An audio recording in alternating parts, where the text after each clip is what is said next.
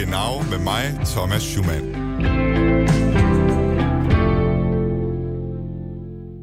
An alle Letztwählerinnen und Letztwähler an den deutschen Rundfunkempfangsgeräten. Deutschland. Wählen Sie die Partei Europa wieder positiv besetzen, damit Deutschland nicht erneut verliert. Ausfahrt. Ich kam vom Ping-Pong-Keller und habe mich in der Zimmernummer geirrt. Das Hotel ist etwas unübersichtlich. Aber jetzt wissen Sie, dass Sie in einer Fremdwanne sitzen und baden trotzdem Gleis weiter. 2. Einfahrt. ICE 16. Genau. Goddag og velkommen til Genau med mig, Thomas Schumann.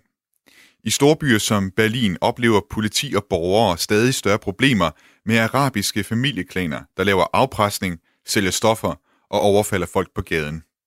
Og så er det som om, de har set Olsenbanden. Diese wahnsinnige Gewalt, die da diese Vitrine zerfetzt hat, also etwas, was man in dieser Form sich gar nicht ausdenken konnte. Und die Jungs hatten richtig Zeit, sich durch das Gitter zu fräsen und dann auch noch durch die Fenster zu gehen, ohne dass nennenswert was passiert ist. Sidste år blev skattekammeret Grønne Gewölbe i Dresden plyndret for uvurderlige smykker og juveler, og i sidste uge kunne tysk politi så i en storstilet aktion varetægtsfængsle tre klanmedlemmer i forbindelse med tyveriet. Ifølge den tyske forfatter og islamekspert Ralf Gardbarn er problemet med de arabiske familieklaner løbet løbsk på grund af Tysklands multikultipolitiske dagsorden og berøringsangst fra at kritisere mindretal. Und das hat jahrelang funktioniert, weil die Europäer eine Multikulti-Politik betreiben, wo es verboten ist, Minderheiten zu stigmatisieren. Du kan høre mere til Ralf Gardbarn og de spektakulære indbrud begået af de arabiske familieklaner, og hvorfor Ralf Gardbarn nu må leve under politibeskyttelse efter at have udtalt sig om klanerne. Og så tror jeg så vel, at vi her i Danmark som i Tyskland kan være enige om, at år 2020 har været et ret trælsår. Særligt på grund af corona. Her er retningslinjerne for coronavirus covid-19 fra de danske myndigheder. Danmark står i en ekstraordinær situation. For at bremse virusen er det vigtigt... Alt for ofte har vi tændt fjernsynet og set strenge miner og strenge appeller komme fra Angela Merkel og Mette Frederiksen. Og konstant er vi i bybilledet og på internettet blevet mindet om, at vi skal holde afstand, vi skal spritte vores hænder af, og vi skal bruge mundbind. Men hvor jeg ikke selv kan huske, at der har været en coronakampagne herhjemme i Danmark, der har fået mig til at trække på smilebåndet, så er tyskerne, de tyske myndigheder faktisk, lykkedes med at lave en kampagne, som har fået folk til at vælte ned af stolene af grin. Also fassten wir alle unseren Mut zusammen und taten, was von uns erwartet wurde. Das einzig Richtige. Wir taten nichts. Absolut gar nichts. Waren faul wie die Waschbären. Tage und Nächte lang blieben wir auf unserem Arsch zu Hause. Jeg taler senere i udsendelsen med manden bag OK-reklamen, der kommer spyd, om hvorvidt man kan lave sjov med corona, og om tyskerne i det her tilfælde rent faktisk har mere humor, end vi har her i Danmark. Og så er der i hvert fald én ting, som tyskerne har, som vi i hvert fald ikke har herhjemme. Ladies and gents, this is the moment you've waiting for. Been searching in the dark. TV-programmet The Masked Singer er et koncept, som jeg i hvert fald selv undrede mig meget over, da jeg så det først.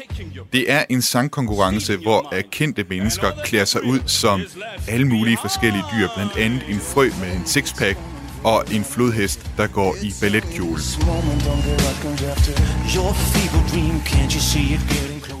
Spiegeljournalist Anja Rytzel har skrevet en artikel om, at lige præcis det her show, The Masked Singer, er netop det, som Tyskland har brug for lige nu. Til sidst i udsendelsen kan du få svaret på, hvorfor det er, hun mener, at det er lige præcis det her show, at tyskerne har brug for. Vi starter dog i sportens verden. Fabian, godt spillet her. Kæmpe mulighed igen til Spanien, og så bliver er Tirsdag aften i sidste uge, der spillede det tyske herrelandshold fodboldkamp mod Spanien. Og selvom den her kamp blev spillet i Nations League, så endte den altså med at tiltrække sig en del opmærksomhed. Allerede ved 4-0 til spanierne, der kunne man høre Niels Harald sige på Discovery. Det er ydmygende, ydmygende for tyskerne det her. Desværre for tyskerne så fortsatte den her ydmygelse altså. Kampen den endte 6-0. Jeg fangede fodboldskribent Nikolaj Lisberg fra Bullibold i lufthavnen på vej hjem fra Sevilla, hvor kampen blev spillet. Hvordan delen kan Tyskland tabe 6-0 til Spanien, når vi nu sidste gang, vi lavede et interview, øh, talte om, at tysk fodbold faktisk var på vej i opgang? Jamen, det er jo, det er jo forunderligt i fodbold. Der, der kan ske meget på, på ganske få måneder. Det er der ikke så lang tid siden, at de her to hold mødtes i Tyskland og spillede i det, hvor Tyskland var bedst. Men øh, alt gik galt i, øh, i går, og det var også det, en, ja, en lidt modløs landstræner Joachim Løb sagde efter kampen. Altså, det var sådan en dag, hvor det, hvor det hele gik galt, og nogle gange er det bare svært at forklare, hvordan de kunne være så dårlige og så meget dårligere end, øh, end Spanien. Der var, en, der var vilje til forskel, der var kvalitet til forskel. Det var ja, det er det værste nederlag i, i 89 år i, i tysk fodbolds historie, så det siger lidt om, hvad det var for en, øh, en kamp, vi var vidne til i går. Kan du pege på nogle ting, som bare gik galt for det tyske hold i går, altså som virkelig førte til den her katastrofe?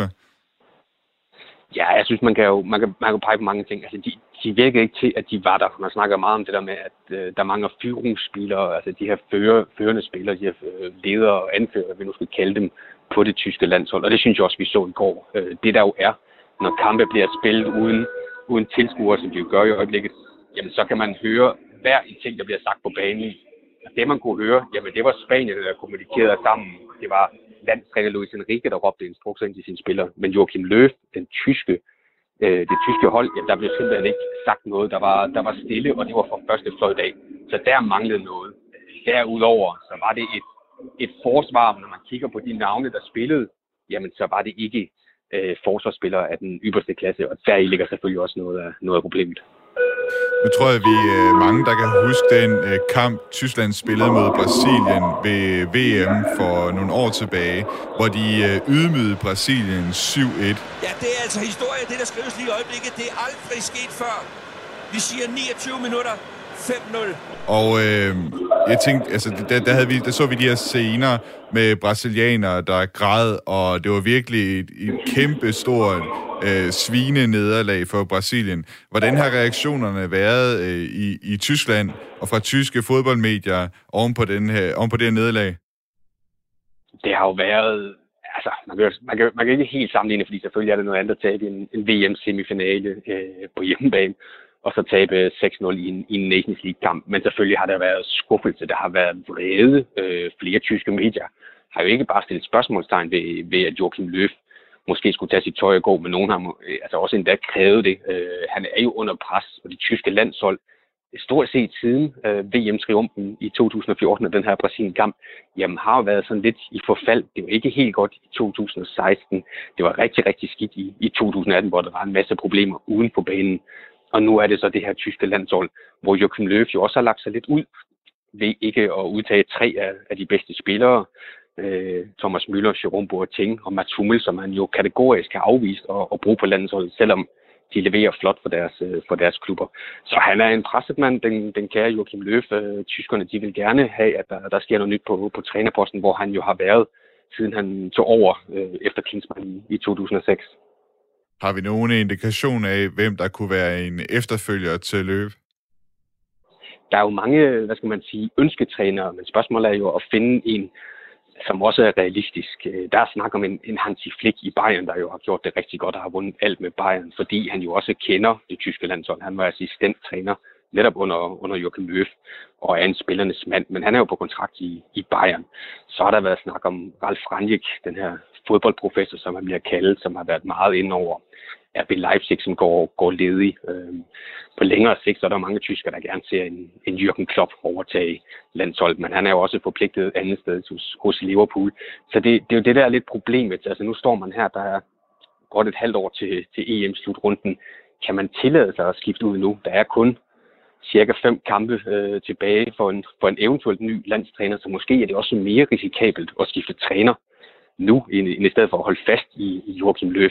Og så skal man jo huske på, altså historien har jo tidligere vist, Tyskland, de taber i 2001, der taber de 5-1 hjemme mod England i en meget berømt kamp i München, og der er stor kritik af hvor de der er træner på det tidspunkt. De holder fast i ham, og sommeren efter, jamen der, der rører de altså i VM-finalen, så de så taber mod Brasilien. Så selvom det var hårdt i går, så kan man jo stadigvæk godt øh, forvente, at et, et turneringshold som Tyskland måske kan levere noget til, til sommer, når det går løs. Nikolaj Lisberg, tysk fodboldekspert. Tak fordi du øh, var med fra Sevilla, efter du altså har været inde og se øh, landskampen mellem Spanien og Tyskland, hvor det endte 6-0 til Spanien. Ja, selvfølgelig. Selv tak. Radio 4 taler med Danmark. Wir warten, bis der Schließer seine Runde gemacht hat. Det lyder som en Olsen-bandefilm. I nattens mulm og mørke brød ukendte gerningsmænd november sidste år ind gennem et vindue i Grønike Vølbe, et berømt skatkammer i residensslottet i Sachsens hovedstad Dresden.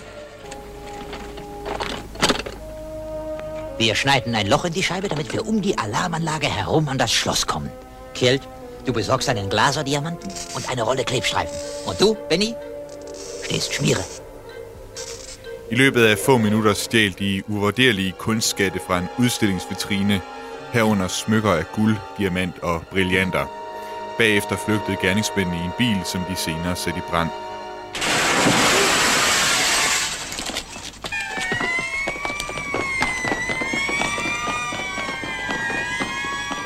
Wenn was Unvorhergesehenes dazwischenkommt, dann rennt um Gottes Willen nicht weg. Ganz locker schlendern und so tun, als ob uns das alles gar nichts angeht. Hvordan nogen kunne begå så spektakulært et kub på så kostbar en kunstskat, det har undret mange. Men sidste tirsdag, der kunne tysk politi så varetægtsfængsle tre mistænkte i en storstilet aktion, der involverede 1600 politibetjente på tværs af flere tyske delstater. Men det er nok meget usandsynligt, at de tre mistænkte, de hedder Egon, Benny og Kjeld. Derimod så peger alt på, at det er Remo-klanen, der står bag, og det er altså nogle mere hårdkogte typer end den hyggelige Olsenbande. Yeah, hier rappen 20 Jahre Straßenschlachten, Gold- und Platinplatten, das sind die harten Fakten. Es begann in einem Café mit ein paar Kanacken. Jetzt verfolgt ich dieses B wie ein schwarzer Schatten. Ich glaub, die wollen, dass ich wieder Mütter ficke, als würde mich das jucken. Remo-klanen er en libanesisk forbrydergruppe, og det er bare en af flere hundrede arabiske familieklaner, der ligger stadig større pres på politi og borgere i byer som Berlin og Essen. Prostitution, Waffenhandel, Geldwäsche, Schutzgeld, Menschenhandel. Jeder hat sein Territorium. Raub, Überfälle, Erpressung, Rauschgift. Ohne Geld läuft gar nichts. Klanerne de laver afpresning, de kræver beskyttelsespenge, de driver ulovlig prostitution, og så truer de dem, som er vidne til deres forbrydelser. Og så er de altså også begyndt at begå stadig mere spektakulære indbrud. Remo-klanen menes også at stå bag tyveriet af en 100 kilo tung guldmønt fra Bode-museet i Berlin. Selv eksperter, der udtaler sig om klanerne, skal passe på med, hvad de siger. Machtstellen vor dem Komma. Yeah, du trinkst an der Uni deine Sojalatte. Währenddessen fick ich deine Mutter auf der Yogamatte. Jeder Hangaround macht mir einer Vollmember, aber ruft mit unterdrückter Nummer an wie Callcenter. Es ist Sonny Black, sogar meine Snares Classic. Du bist von Kanaken plattgetreten wie ein Perserteppich. Du warst nur eine Schnapse, die wie Slivovitz. Ja, ich bin ein Arschloch, aber du bist eine Klitoris. Gadban. Ja, hallo, herr Gardbarn. Det her er Ralf Gardbarn. Han er uddannet i islamstudier og statskundskab, og så har han udgivet en række bøger om multikulturalisme, islam, og så om de arabiske klaner. Heriblandt hans seneste bog fra 2018, Arabische Clans, die unterschätzte Gefahr, altså arabiske klaner, den undervurderede fare. Og den fare, den har han selv kunne mærke i de mails, han er begyndt at modtage, efter han sidste år udtalte sig til libanesisk tv om klanerne. Neben der Beschimpfungen und so weiter, äh, wir kriegen dich und äh, du hast keine Chance zu entkommen und ähnliches. Oder wenn einer der äh, Chef der Familienunion sagt... Udover skældsordene, så er budskabet i de trusler, Ralf Gardbarn får, vi får ramt på dig. Du har ingen chance. Eller, som en af klanoverhovederne engang sagde til sine klanmedlemmer, hvor end I møder ham, skal I være nådesløse. Ralf Gartbarn han har siden april været under politibeskyttelse, og han er begyndt at låse sin dør selv, når han er derhjemme. Og så er der altså mange andre, som lever med trusler fra familieklanerne. Ich bin angeblich Sklave der Familie Abu Chaka. Schäm dich. Arafat war sowas wie dein Vater. Du hast dank uns gelebt, so wie ein König in Berlin. Ein Vermögen hier verdient. Plötzlich höre ich, dass du fließt. Du hast vergessen, wo du herkommst. Das Geld raubt dir die Sinne, aber kein Aktuelt så kører der en sag ved retten i Berlin mellem den kendte gangsterrapper Bushido, hvis musik vi hører her i baggrunden, og så Arafat Abu Shaka, som menes at være overhovedet bag en af de libanesiske mafiaklaner. Bushido lever, ligesom Ralf Gartbarn, lige nu under politibeskyttelse, fordi han altså vidner i retten mod Arafat Abu Shaka i en sag om afpresning. Doch mal angenommen, Jesus hätte sich deiner niemals angenommen, dann wärst du nie vorangekommen. Wie schreibt man einen ganzen Song? Der Typ war dein Lehrer. Als Dank dafür belügst und betrügst du ihn später. Und dann zuckst du wie die Heuschrecken weiter. Bushido hat äh, den Fehler gemacht, sich unter dem Schutz von äh, diesen Abu Shakir äh, Clan, nennen sie ihn, und die haben ihn total ausgenutzt. Und dann wollte er sich befreien. Und so ist er. Ralf forklarer, at Bushido lavede den fejl at bede om beskyttelse hos Abu Shaka-klanen, og de valgte så at udnytte ham og afpresse ham for millioner af euro, som en som rapper. Abu Shaka-klanen blev simpelthen berømt, fordi at Bushido blev berømt. Og man skulle altså tro, at de arabiske familieklaner i forvejen tjente nok penge på deres mafiaarbejde, men alligevel så er der altså nogle af dem, som begår indbrud på museer for at stjæle sølv, guld, diamanter og juveler. Jeg spurgte Ralf Gartbarn, hvordan det kan være. Ja, warum soll das genug sein? Haben Sie jemals gehört, dass Kriminelle satt werden? Vor allem, wenn sie merken, dass kein Widerstand geleistet wird. Sie verachten unser Staat und äh, haben keinen Respekt von unserer Justiz. Er der nogensinde nogen, der har hørt om en kriminel, som er blevet mæt af at begå forbrydelser, spørger Ralf Gartbarn retorisk. Særligt når de mærker, at der ikke er nogen modstand. De foragter vores stat og har ingen respekt for retsvæsenet, hvilket i øvrigt også gælder i Danmark, og derfor så tror de, at de kan tillade sig alt, og det gør de så. Also mit, den, mit der Mün Goldmünze, einer der Verhafteten jetzt, war schon verurteilt, aber äh, kam, ist seine äh, Strafe nicht eingetreten. Was bekommt er? En af de fængslede, som stod bag røveriet på den 100 kilo tung guldmønt i museet i Berlin, han havde allerede en dom, men alligevel så fik han kun 4,5 års fængsel for at have stjålet og smeltet en guldmønt om, som har en værdi på 3 millioner euro. En hver er parat til at tilbringe fire år i fængsel for den slags penge. De har ingen respekt, siger Ralf Gartbarn. Also die haben keinen Respekt vor uns. Was würden Sie sagen, dass äh, Politiker und Polizei... Jeg spurgte Ralf Gartbarn, hvad det er, politi og politikere har gjort forkert, siden problemet har fået lov at vokse sig så stort, at klanerne de altså synes at kunne slippe afsted med næsten hvad som helst. Ja, das ist genau nicht nur hier, wie äh, überall. Ich schätze äh, in den skandinavischen Ländern äh, auch. Det er ikke kun i Tyskland, det er sådan. Det ser vi også i de skandinaviske lande, særligt i Sverige, der ser vi de samme klaner. Sie äh, nutzen die Offenheit unserer Gesellschaft, um äh, davon zu profitieren. Also sie haben gemerkt, dass wenn sie als Gruppe auftreten... Klanerne udnytter vores åbne samfund til deres profit. De har mærket, at hvis de handler i flok, så kan de tryne alle andre i vores individualiserede samfund. Selv politi og domstol har de haft held til at intimidere. Und das hat jahrelang funktioniert, weil die Europäer eine Multikulti-Politik betreiben, wo es verboten ist, Minderheiten zu stigmatisieren.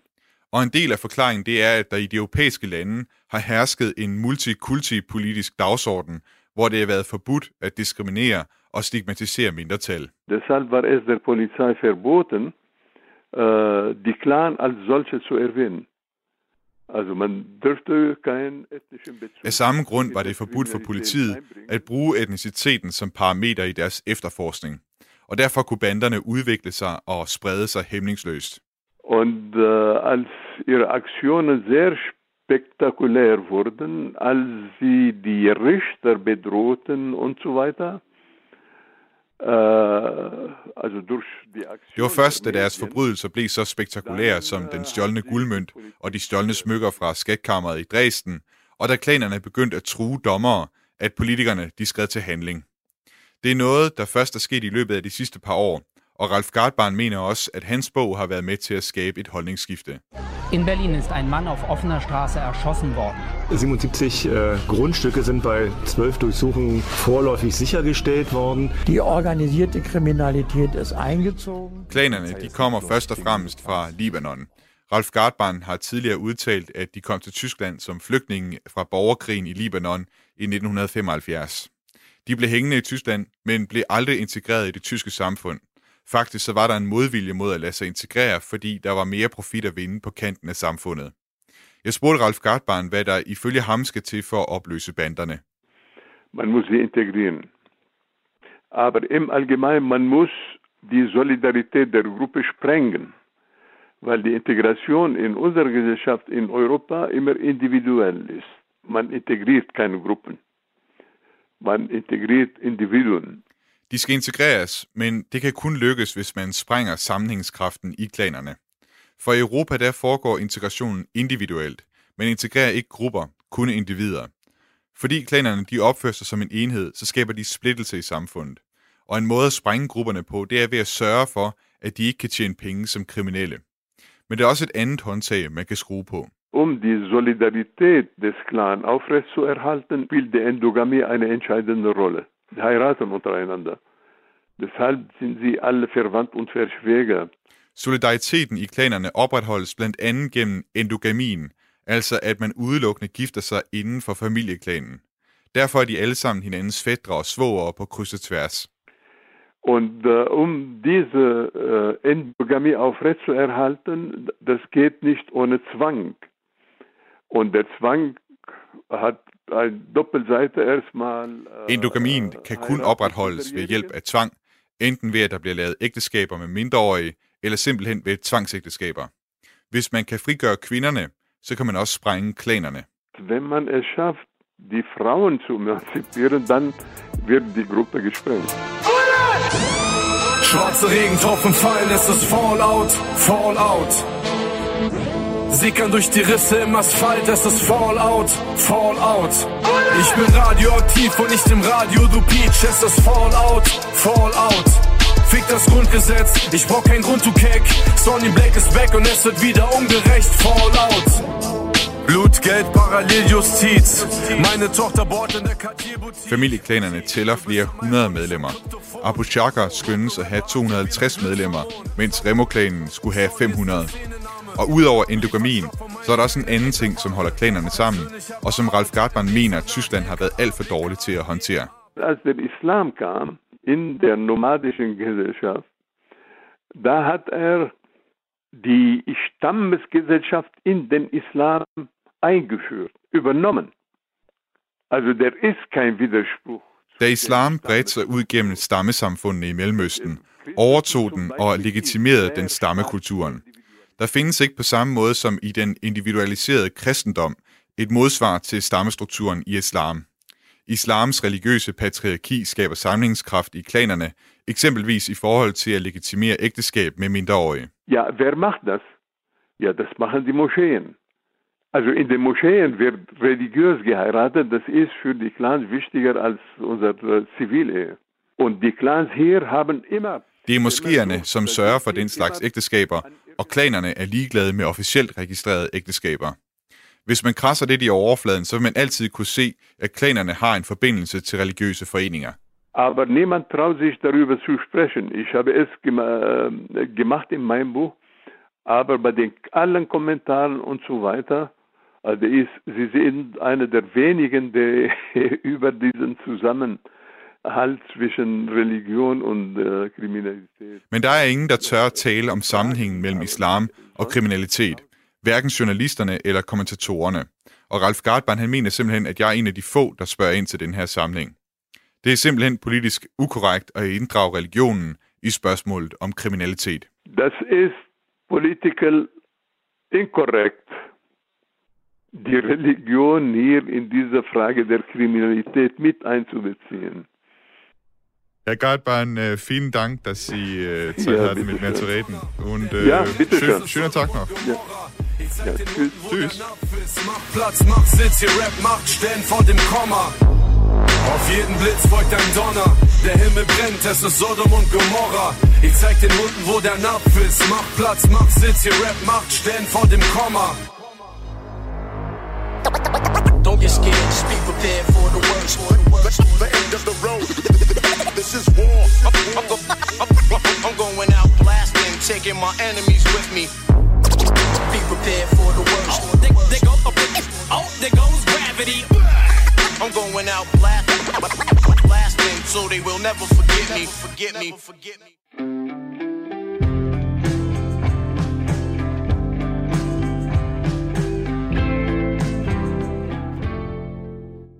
I sommer så lavede vi her på Genau et helt afsnit, hvor vi satte fokus på tysk humor. Vi var blandt andet ind over Loriot og forfatteren Timur Vermes. Min gæst dengang, det var skuespilleren Ines Bjørk David, der bor i Tyskland, og hun var altså en smule kritisk over for, om tysk humor nu også rent faktisk eksisterede. Ja, men jeg må jo desværre sige, at jeg står på den side, hvor jeg siger, at de har ikke rigtig nogen. Og netop derfor så har vi her på redaktionen også bemærket én ting her i coronakrisen med stor interesse. De seneste måneder der er der nemlig kommet flere og flere våde og ligefrem sjove coronakampagner ud i Tyskland. Berlinere, der giver fingeren til folk, der ikke bærer mundbind, og så de føderale myndigheder, som lige nu hylder sofakartoflerne. Herhjemme, der kan de coronarelaterede kampagner derimod virke meget, meget stramme i betrækket. Det bedste forsøg på en anderledes kommunikation, vi har fundet, det stammer fra Københavns Kommune. Og de har altså tegnet flere plakater, der i mine øjne har et nærmest dystert udtryk. Hvordan kan det være, at vi kommunikerer så forskelligt i Danmark og Tyskland? Altså, at Tyskland de bruger så meget humor, mens at vi virker så stramme i det. Og kan vi konkludere, at tyskerne altså både er sjovere og mere vågede, end vi er? Der kommer spil! Det er så ufatteligt! Han kunne være kommet til skade! Er du okay, Jørgen? Det strammer lidt. Velkommen til dig, Ulrik Juhl. Tak for det. Du er dansk reklamemand, og du har altså blandt andet stået bag den her reklame med OK støtter lokalsporten, som vi hørte fra her. De fleste de kender måske den her sætning, der kommer spyd. Det er dig, der står bag den. Ja, sammen med, med mine gode kolleger på, på byrådet dengang. Ja, det er korrekt. Og du ramte altså et eller andet. Altså, jeg synes i hvert fald, at øh, det er et, et ret godt eksempel på en reklame, man kan sige er, er ret sjov. Ja, man kan sige, øh, med OK som, som eksempel, der, der, var, der var udfordringen jo, at benzin er et relativt generisk øh, produkt, ligesom skummælk. Så hvis man ligesom skulle skille sig lidt ud som benzinselskab, så skulle vi finde på noget, hvor man, hvor man kunne huske det bagefter.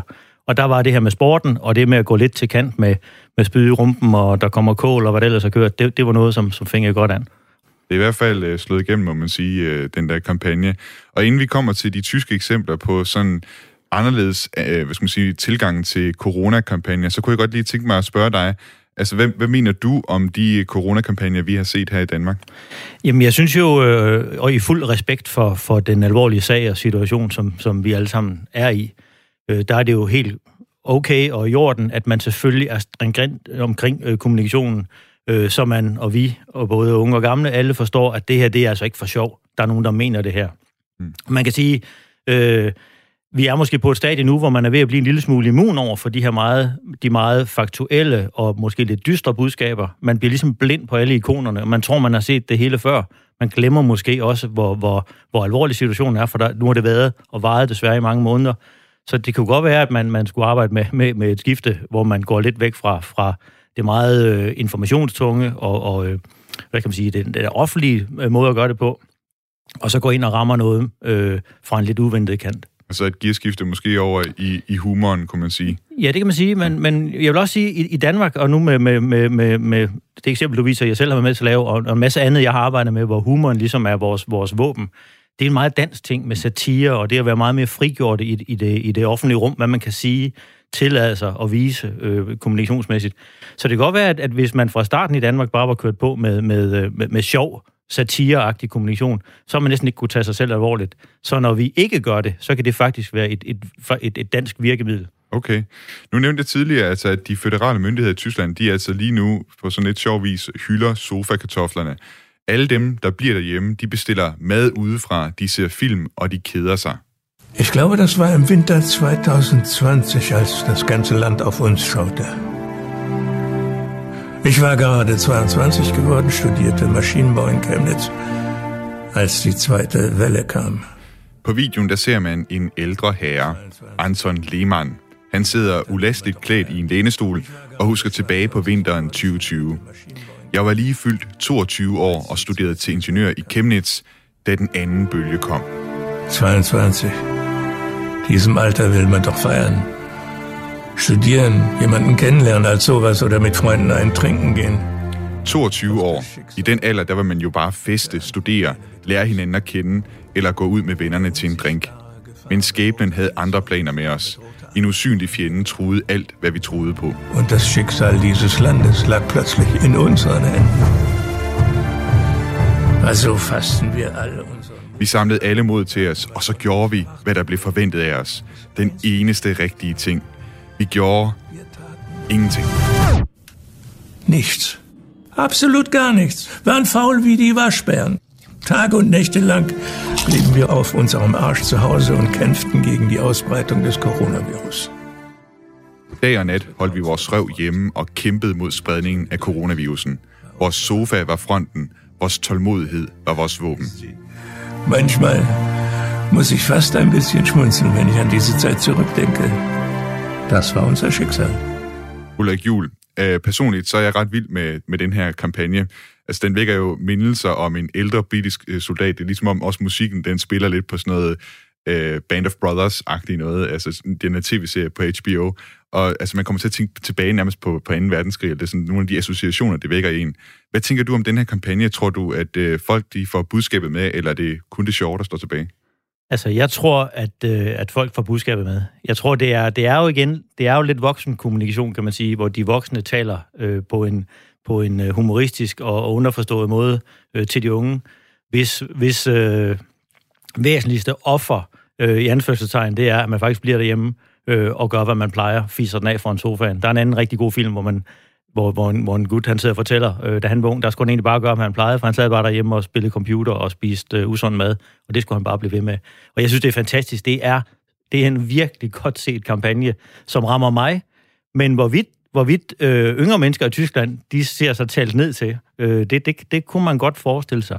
Øh, men men jeg, jeg, jeg fanger den i hvert fald, og jeg tror, hvis man kan læse mellem linjerne, og se det, det lille glimt i øjet, som skuespilleren også har, det kan vi ikke se på radio, øh, hvor, man, hvor han kigger i kameraet og, og, og, og ligesom illustrerer, det her det er lidt for sjov. Kan I se det? Det, det? det virker rigtig godt, og de er godt spillet, de er godt instrueret, det er godt ting. Jeg vil gerne selv have lavet det.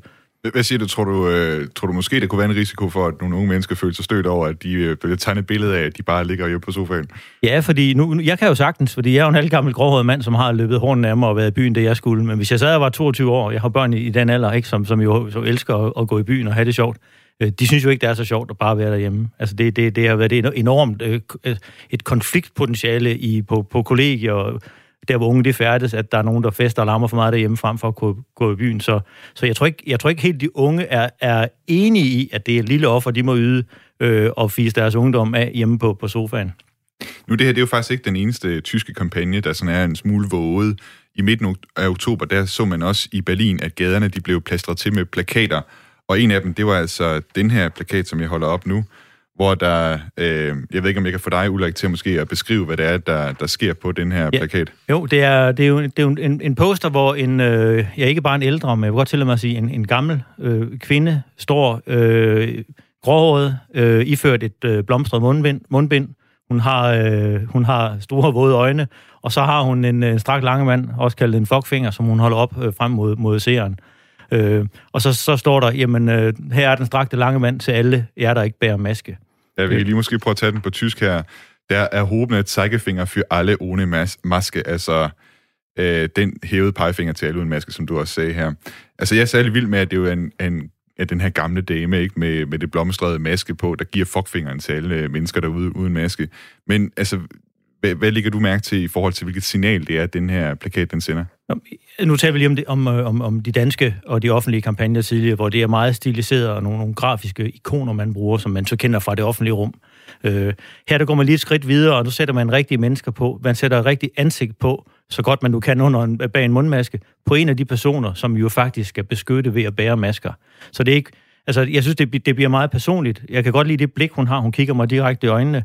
Og så er det, så er det jo bare igen en, en, en, en, øh, en, et hint om til os, dem, som, som synes, det er træls at bruge masker, fordi brillerne de dukker, eller man bare ikke gider, om at det er altså for nogens skyld, du skal gøre det. Måske ikke så meget din egen, men for en som hende her på billedet, som kan være både svag og, og, og dårlig og, og gammel. Øhm, jeg, jeg tror, det, der kan provokere nogen, hvis det, i og med, det er i Tyskland, det er, at man er så direkte. Fordi, som jeg opfatter tyskere, så er det meget korrekte. Ja, jeg vil faktisk lige øh, bryde ind der, fordi Kai Wegner, der er leder af kristendemokraterne i Berlin, han sagde om den her plakat, at situationen den er for alvorlig til dumme jokes. Altså, hvad tænker du i forhold til, hvor grænsen den går for, hvor provokerende man kan være øh, i, sådan en, i sådan en måde at, at udbrede budskab? Jeg ser på ingen måde den poster som en dum joke. Jeg ser det som et direkte in-your-face kommunikation om, hvad det her det handler om. For mig er det ikke sjovt, det der. Der, der siger man det bare, som det er og man sætter et menneske bag budskabet, frem for et ikon, eller en politiker, eller en korrekt vending, som er grammatisk øh, korrekt på tysk og alt muligt.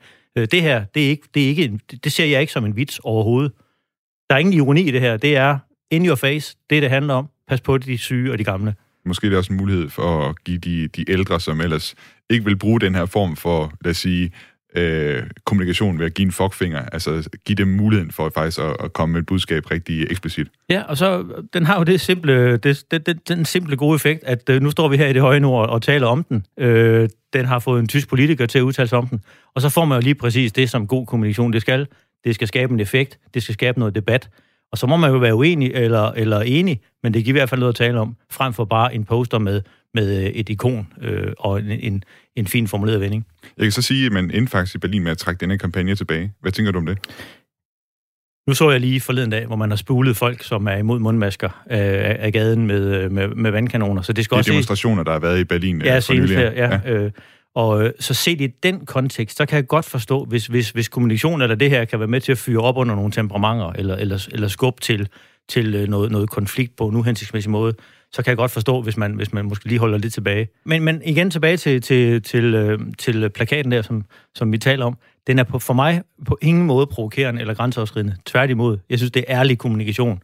Øh, og jeg, jeg, jeg vil da tro og også håbe, at man her i Danmark finder den type virkemidler frem snart. Mm. Jamen lad os lige prøve at vende tilbage til, altså fra Berlin til, til Danmark og til København, fordi Københavns Kommune har nemlig fået udarbejdet flere håndtegnede coronaplakater, der hænger i det offentlige rum, og særligt ved busstoppesteder. Og jeg har to øh, eksempler med her også. Øh, den ene, den hedder, vær ikke den, der sender alle hjem. Og som man ser her nedenunder, der er der en grædende øh, mandlig skikkelse på knæ, der har et par stærkt overdimensionerede hænder samlet i, i en bedende gestus.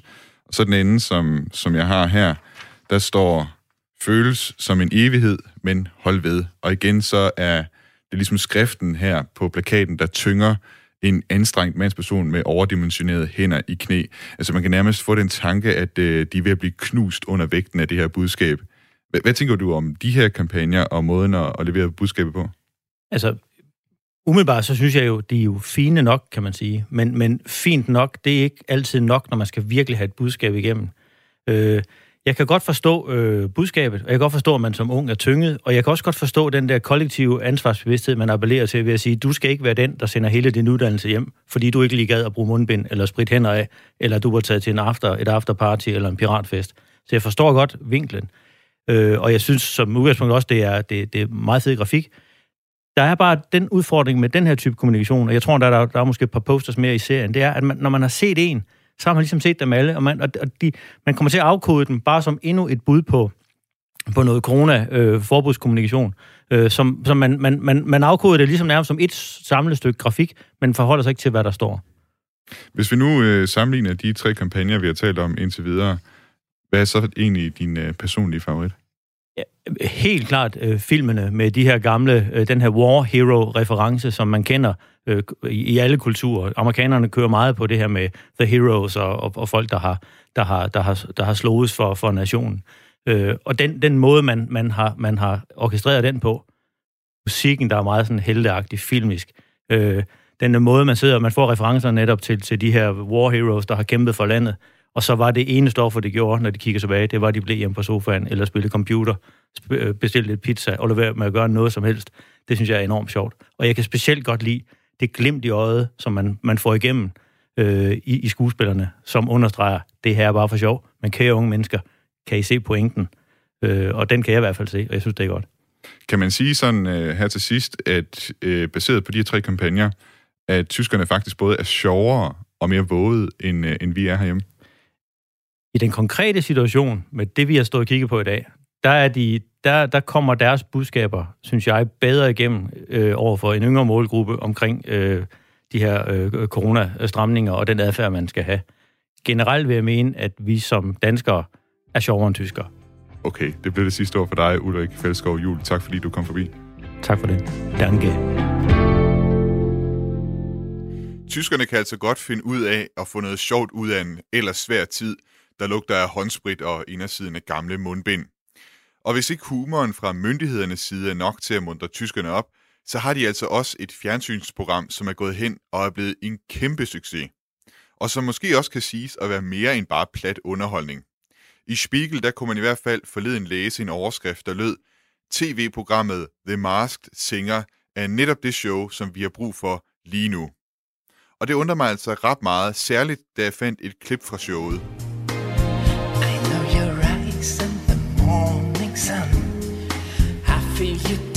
Okay, man kan altså høre, at det er et musikshow. Faktisk er det en slags sangkonkurrence, og deltagerne kan tydeligvis ikke altid ramme tonerne. Men det du går glip af, når du kun lytter til showet, det er, hvordan sangeren er klædt ud. Faktisk kan man slet ikke se, hvem det er, der synger, for personen i det her klip er udklædt som en frø. Og ikke en helt almindelig frø. Det her er en frø, der har en sixpack under den opknappede lilla skjorte og en guldkæde, der hænger ned på brystet.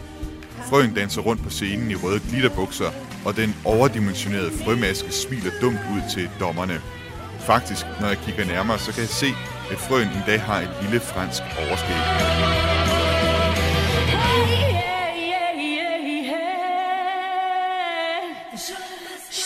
Hvis man søger videre blandt klippene, så finder man blandt andet et klip af en flodhest i balletkjole, der synger Ain't No Sunshine af Bill Withers, og en kat i hvid habit, der synger The Show Must Go On af Queen.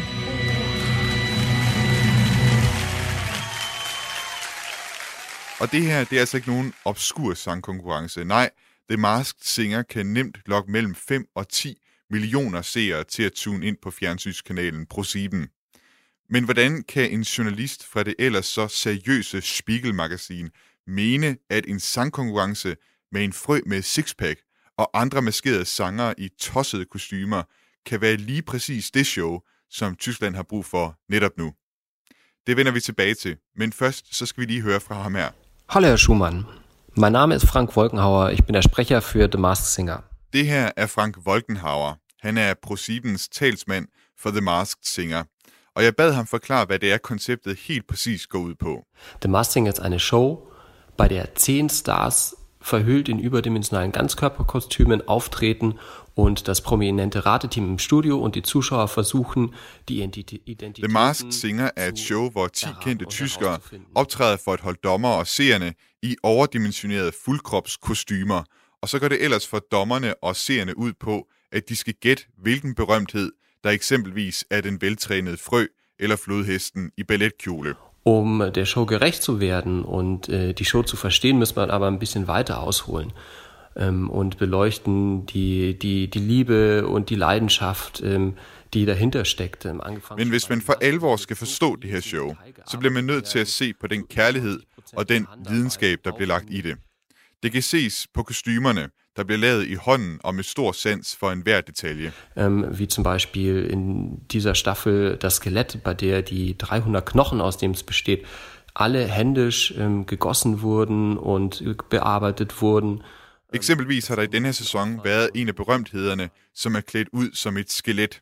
Og det her kostyme, det indeholder altså over 300 knogler, og det har krævet en masse arbejde at lave det alt sammen i hånden. Und nicht umsonst haben unsere, unsere Kostümherstellerinnen und unsere Maskenbildnerinnen ähm, im Frühjahr den Deutschen Fernsehpreis für die beste Ausstattung bekommen.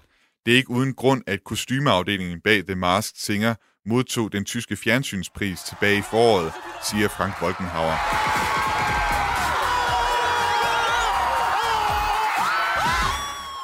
Som med så meget andet fjernsyn, så er The Masked Singer et koncept, som ProSieben har købt fra udlandet. Det er et koncept fra Sydkorea, der har kørt siden 2015, og som der hedder The King of Masked Singer. Seit Herbst 2019 ähm, läuft The Masked Singer dann auch schon auf ProSieben und Deutschland ist das erste land, das... Fra efteråret 2019 introducerede ProSieben tyskerne for konceptet, og Tyskland er faktisk det eneste land, der viser showet live. Derudover så er The Masked Singer internationalt set det mest succesfulde koncept siden The Voice. In Deutschland läuft inzwischen die dritte Staffel von The Masked Singer. Ähm, das Highlight ist immer das Finale mit fünf Demaskierungen in einer Show und im Finale der zweiten Staffel Aktuelt så kører The Masked Singer på sin tredje sæson i Tyskland, og det store højdepunkt er naturligvis finalen, hvor fem af deltagerne afslører deres identitet i løbet af et enkelt show. Ved finalen af anden sæson var der 10 millioner seere, og allerede nu i den aktuelle sæson er der før finalen mellem 6 og 7 millioner, der slår over på ProSieben. Jeg må indrømme, at jeg ikke rigtig ved, om jeg vil være en af de tyskere, der tændte for ProSieben for at se The Masked Singer. Og så er jeg slet heller ikke berømt nok til, at jeg kunne blive en af deltagerne, hvis konceptet skulle komme til Danmark en dag. Og når jeg ser de klip, der er fra showet, så tænker jeg også, at det kan ikke være helt nemt at stå på en scene i et fuldkropskostyme og synge. Og så vil jeg føle mig ret latterlig i et frøkostyme med fransk overskæg. For nylig skulle dommerne gætte, hvem det var, der gemte sig under frøkostymet. Og åbenbart var frøen ikke særlig god til at skjule sin sande identitet. Also ich heiße Wiegald Boning. Ich bin in Deutschland bekannt geworden Anfang der 90er Jahre mit einer Sendung, die RTL Samstagnacht Vigald Boning er tysk komiker og blev kendt af tyskerne på kanalen RTL, der i 90'erne sendte et underholdningsprogram kaldet RTL Samstagnacht, altså en kopi af det amerikanske Saturday Night Live. Ich meinte, wenn ich die Stimme verstelle, und zwar so wie Kermit der Frosch aus der Sesamstraße. Indem er so spricht, ich dachte, wenn ich meine Stimme so verstelle, dass ich dann nicht erkannt werden kann. Vigald Boning han troede, at hvis nu han efterlignede stemmen på Kermit the Frog fra det amerikanske børneprogram Sesame Street, som man kunne høre, han gjorde i klippet her, så ville han kunne narre dommerne. Det virkede bare ikke. Dommerne de kunne med det samme gennemskue, at det var ham, der gemte sig under frøkostymet. Das war aber nicht der Fall. Also man hat mich sofort erkannt. Jeg spurgte Vigald Boning, hvordan det var at synge og danse på en scene udklædt som en frø. Das war schwierig. Das hatte ich mir nicht so ausgemalt. Also nach der ersten Probe war ich schweißgebadet und sehr kurzatmig, weil mir die Luft fehlte. Det var ret svært. Efter den første prøveoptræden, der var jeg badet i sved og stakåndet, for det var svært at få luft til at synge inde i kostymet. Jeg arbejdede hårdt på at finde en teknisk løsning, så jeg kunne synge sangene færdig uden at dejse om på scenen. Äh, Das Thema Geheimhaltung wird sehr ernst genommen von der Produktionsfirma und vom Fernsehsender. Das heißt, Når man deltager i The Masked Singer, så mærker man også, at produktionsselskabet tager det her med at holde berømthedernes identitet hemmelig meget seriøst. Das heißt, hinter der Bühne läuft man immer in einem schwarzen Jogginganzug rum mit einer schwarzen Gesichtsmaske, einer Skibrille, Handschuhe. Die Handschuhe sind mit Gaffertape, mit Ude backstage, så gik vi deltagere rundt i sort joggingtøj med en sort ansigtsmaske, skibriller, og så fik vi handsker på, der er bundet fast med gaffetape. Jeg har tilbragt fem uger i en form for isolation, helt uafhængig af corona. Det var meget strengere, men samtidig så var det også ret spændende. Okay, det lyder altså ret fjollet, det her koncept. Men som sagt, så er der i hvert fald en spiegeljournalist, der mener, at The Masked Singer er lige netop det, som Tyskland har brug for lige nu. Hallo? Hallo. Hallo, Frau Rützel. Schön, mit, schön mit Ihnen zu reden. Det her er Anja Rützel. Hun er forfatter og journalist, og på Spiegel, der skriver hun ifølge Spiegels egen hjemmeside om de skønne sider af trash TV og pop. Das Einfachste ist tatsächlich, finde ich, also mir geht es zumindest so, es ist so eine unschuldige Sendung ähm, auf eine Art. Also da treten nicht mal Den mest enkle forklaring er, at det er en meget uskyldig udsendelse. Her er det ikke tv-stjernernes egoer og image, der står på scenen, men dyr, surikater og flodheste. Og netop i år har der ikke været særlig mange ting, som bare har været fuldstændig harmløse, og det gør på en eller anden måde godt. Ich vergesse immer äh, oder manchmal, dass es irgendwie dienstags ist und dass die Sendung kommt. Und wenn ich das dann am Abend merke, oh, heute kommt Mars Singer, dann ist es richtig so, ein, ähm, so eine kleine Flucht. Nogle tirsdage, så glemmer jeg helt, at der bliver sendt The Masked Singer, og når det så går op for mig om aftenen, så føles det som en rar flugt fra virkeligheden. Ich finde, es funktioniert wie eine bisschen wie eine Gegenwelt. Also zu sagen, dieses Jahr ist ja, also das reale Jahr 2020 ist ja sehr absurd auch auf eine grausame Art. Also Det er lidt en modsat verden til den, vi har set i år 2020. På en grusom måde, så har 2020 også været et absurd år. Der er sket ubehagelige ting, hvor man, hvis man havde fået det fortalt ved indgangen af året, så havde man ikke kunne tro sine egne ører. Das ist natürlich komplett ballerballer. Ne? Diese Kostüme sind äh, vollkommen übertrieben. Ähm, und was das Tolle daran ist, dass aber der Moderator und das Rateteam und überhaupt irgendwie alle Beteiligten nehmen das total ernst. På en måde, så er det jo bare ren fis og ballade. Kostymerne, de er helt vildt overdrevne. Men det, som jeg synes er så fedt, det er, at showets vært og dommerne behandler det med stor alvor. Also die moderieren dann an, jetzt kommt hier das, das Nilpferd im Ballettröckchen und, und, und singt auch noch irgendwie was ganz Wildes. Und es wird aber nicht die ganze Zeit quasi so mh, Verden siger eksempelvis, at nu kommer flodhesten i balletkjolen og synger en sang for os, men på intet tidspunkt der anerkender man, hvor forrygt det hele er. Det bliver taget meget seriøst, som om det var en rigtig sangkonkurrence. Det lyder jo alt sammen øh, meget godt, og det lyder altså også på Anja Rytzel, som om, at det her det er noget, hun vil anbefale til os her i Danmark. Så jeg spurgte hende selvfølgelig også, om det var tilfældet. Es klingt äh, so, als ob Sie das auch an, an die Dänen empfehlen würde, dass, äh, dass es dieses Konzept zu, zu übernehmen. Unbedingt. Og med den anbefaling nåede vi til vejs ende for dagens udsendelse af Genau, som, som altid er lavet af mig, Thomas Schumann, og min kollega Jeppe Rets Husted. Hvis du har tænkt dig at lytte til tidligere udsendelser af Genau, så kan du finde dem inde på Radio 4's hjemmeside på Spotify og på Apples podcast player. Hvis du har ris, ros, kommentar eller andet feedback, så kan du sende det ind på genau radio4.dk. Indtil vi høres ved igen, vil jeg bare ønske dig en god uge. Bestand.